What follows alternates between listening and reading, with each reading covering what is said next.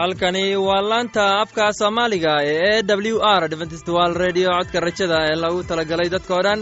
Anigoo ah maxamed waxaan idin leeyahay dhegaysi wanaagsan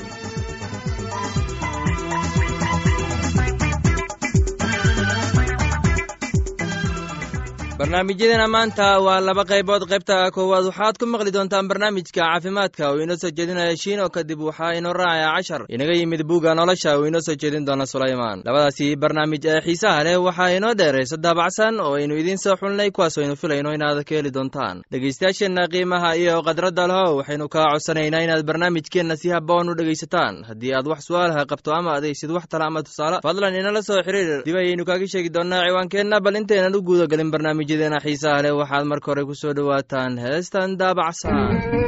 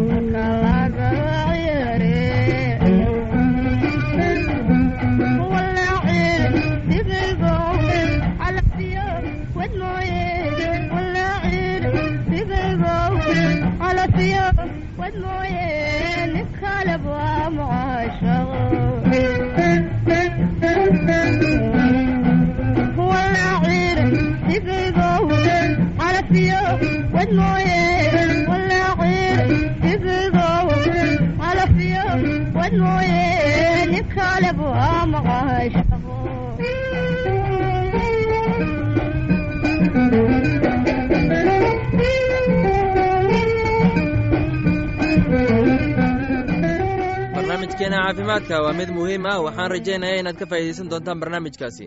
Barnaamijku wuxuu ka hadli doonaa sida loo xanaaneeyo xudunta. Dubaaqay yaa jeclayste naftayda midii ay ku dhegilay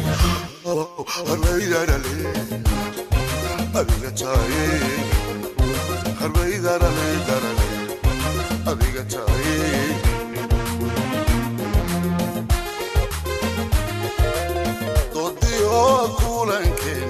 الشذا دحذي هذا الكاقي معانا دوي سمركيو دلقاتكي إيمانكيو كل عدادي دباخي قاتشق ميستي نفتي ذا مدي أي كدقلي الله هريدا للي أذيك تاهي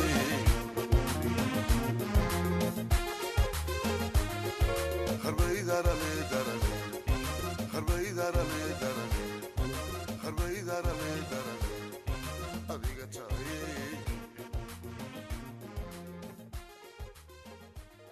waxaan filayaa inaad ka faa'iidaysateen heestani. Haddana waxaad ku soo dhowaataan barnaamijkii doktor luuq ee caafimaadka.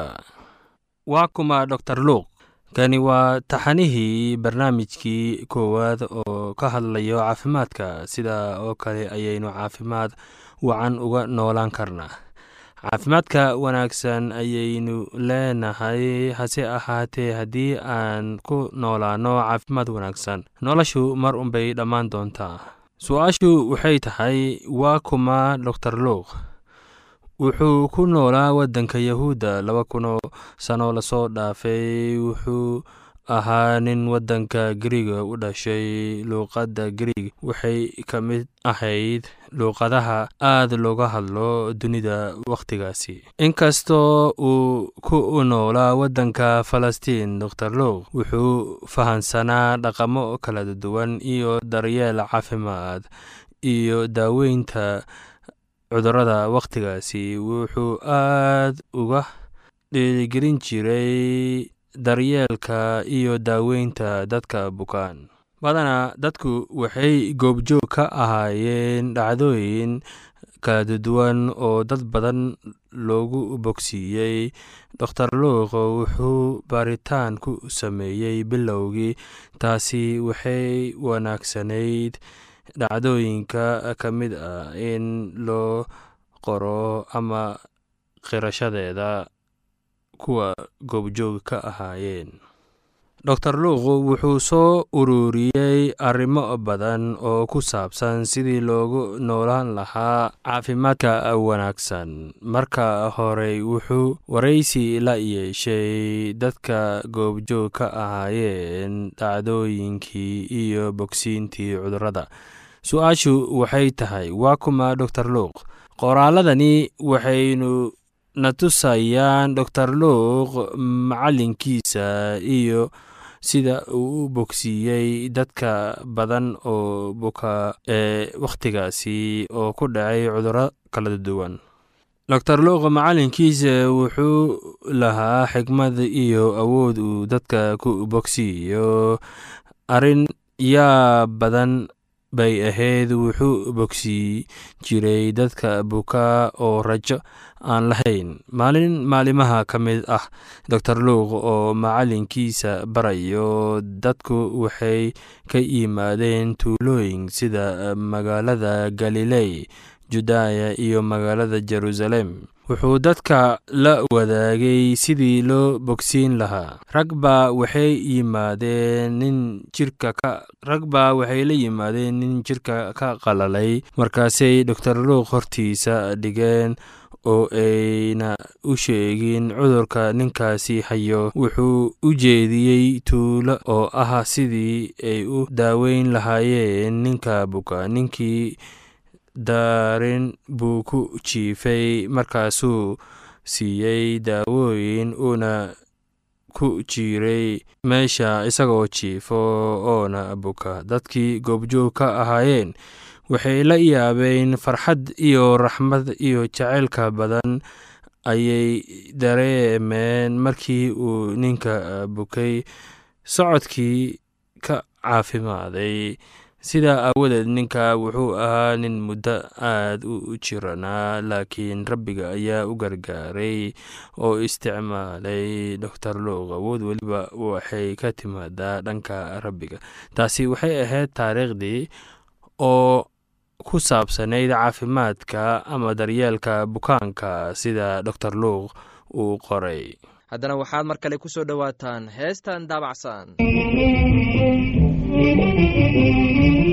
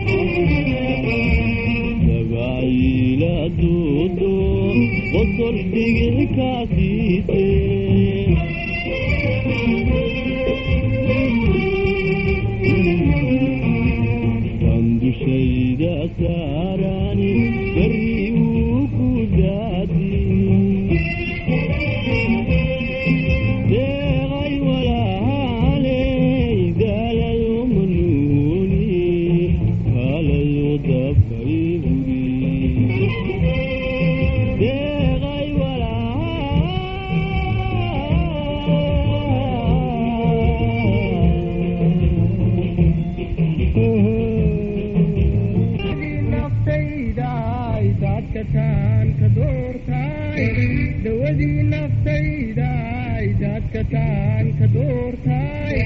gowinaan ku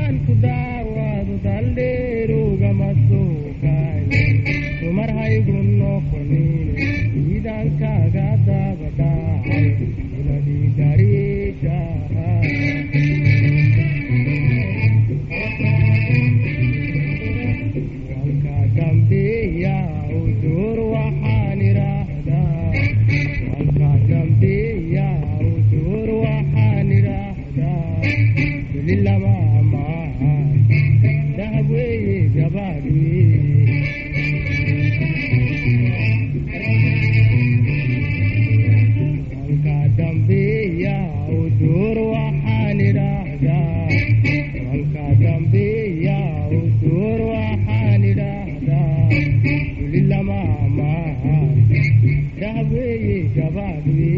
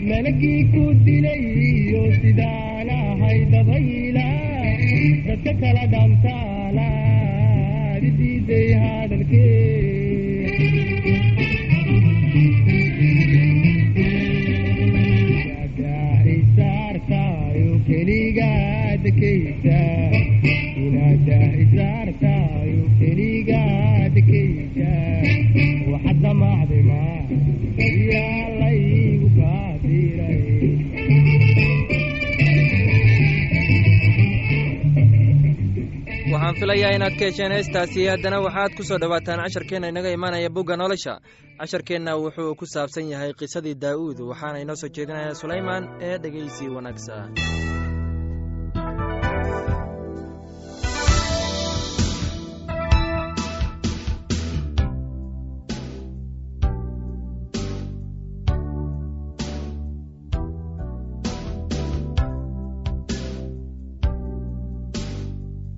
dhegaystayaal walaalayaalna waxaa halkaasi ka sii wadi doonaa qisadii ku saabsanayd daa'uud oo la dagaalamayay dadka reer falastiin isaga iyo addoommadiisii kale.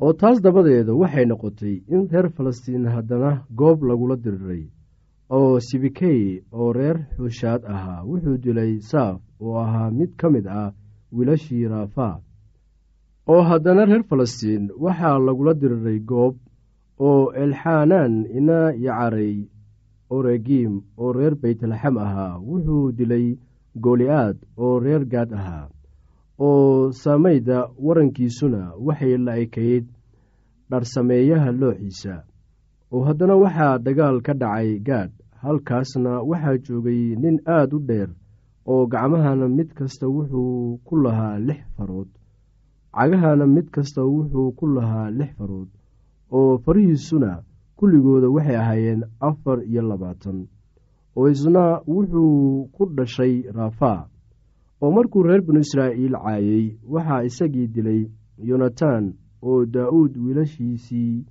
shimcii ahaa dhalay. Afartaasu waxay raafaa ku dhasheen gaad oo waxay ku dhinteen daa'uud gacantiisii iyo gacantii addoommadiisii.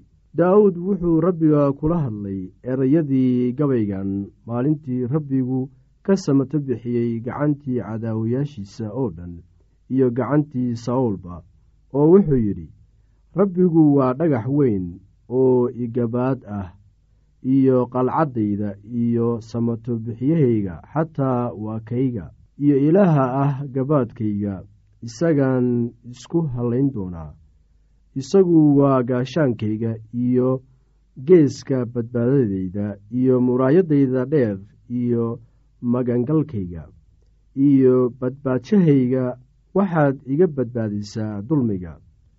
Waxaan baryayaa rabbiga istaahilaa in la ammaano oo sidaasaan cadaawayaashayda kaga badbaadin doonaa. Waayo waxaa i hareereeyey hirarkii dhimashada oo waxaa i cabsiiyey daadkii cibaado la'aanta waxaa igu wareegsanaa xadhkihii sheeool oo waxaa i qabsaday dabnidii dhimashada. Anigoo cidhiidhi ku jira ayaan rabbiga baryey haa waxaan u qayshday ilaahay oo isna codkayguu macbudkiisa ka maqlay oo qayladayduna dhegihiisay gashay. Markaasaa dhulku ruxmay oo gariiray oo samada aasaaskeediina wuu dhaqdhaqaaqay oo wuu ruxmay maxaa yeelay ilaah waa cadhaysnaa. Oo dulalka sankiisa waxaa ka soo baxay qiiq afkiisana waxaa ka soo baxay dab waxgubaya oo dhuxulaha ka shidmay isaga. Oo samooyinkiina wuu soo foorarshay oo hoos buu u soo degay oo cagihiisana waxaa hoos yeela gudcur weyn. Wuxuuna fuulay keruub wuuna duulay haa waxaa lagu arkay isagoo fuushan dabaysha baalasheeda. Oo gudcurkii wuxuu ka dhigay taambuug hareerihiisa ku wareegsan iyo biyo urursan iyo daruuraha qarada waaweyn oo cirka oo nuurka hortiisa yaal aawadiisna dhuxulo dab ah ayaa shidmay. Rabbiguna wuxuu ka onkaday samada sareeyuhuna wuxuu ku dul hadlay codkiisa markaasuu fallaaro soo ganay oo kala fadhiyey iyagii oo wuxuu soo diray hilaac wuuna baabi'iyey iyagii.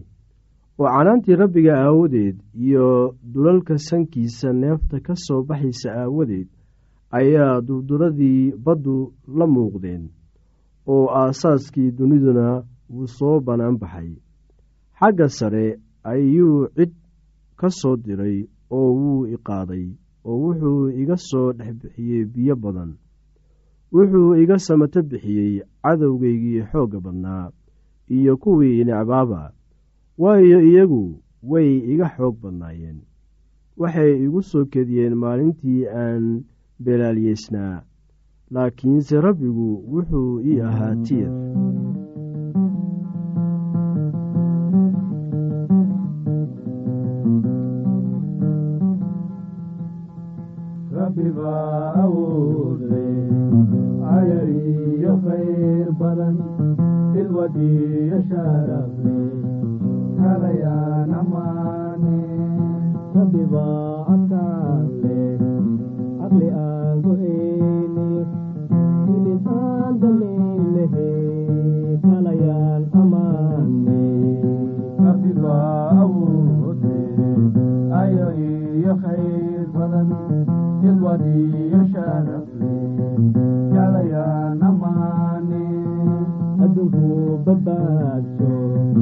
dambigeeni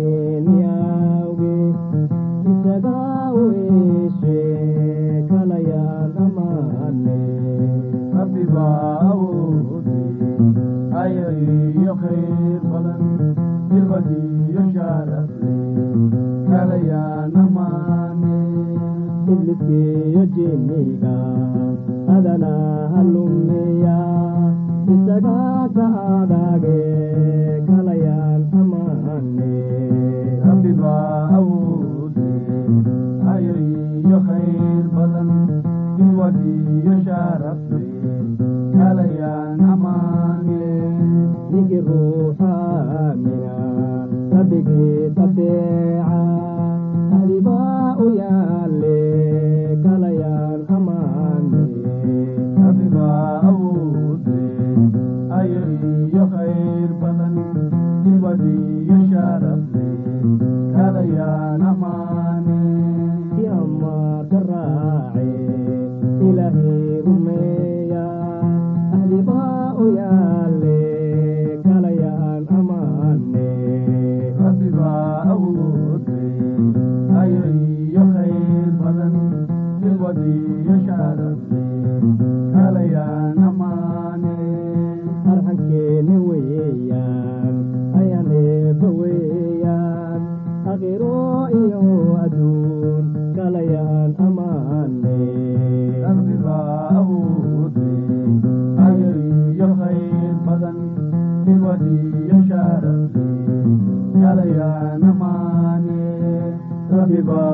rabbibaa awoodle ayar iyo khayr badan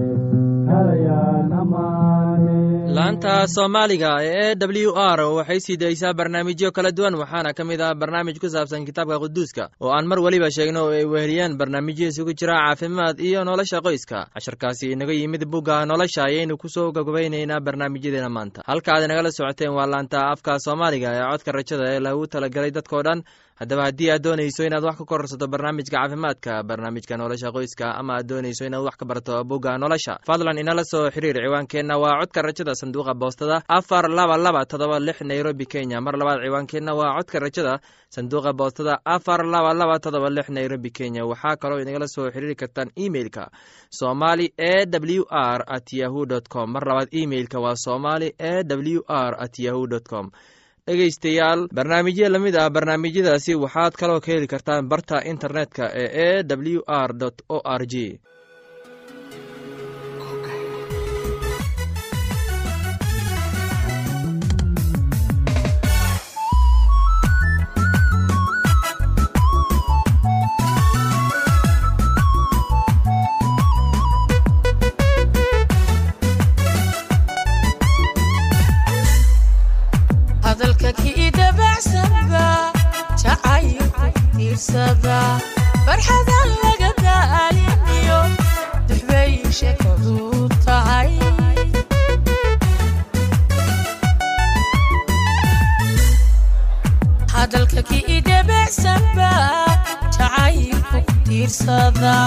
farxadan laga daaliniyo duxbay sheekadu tahay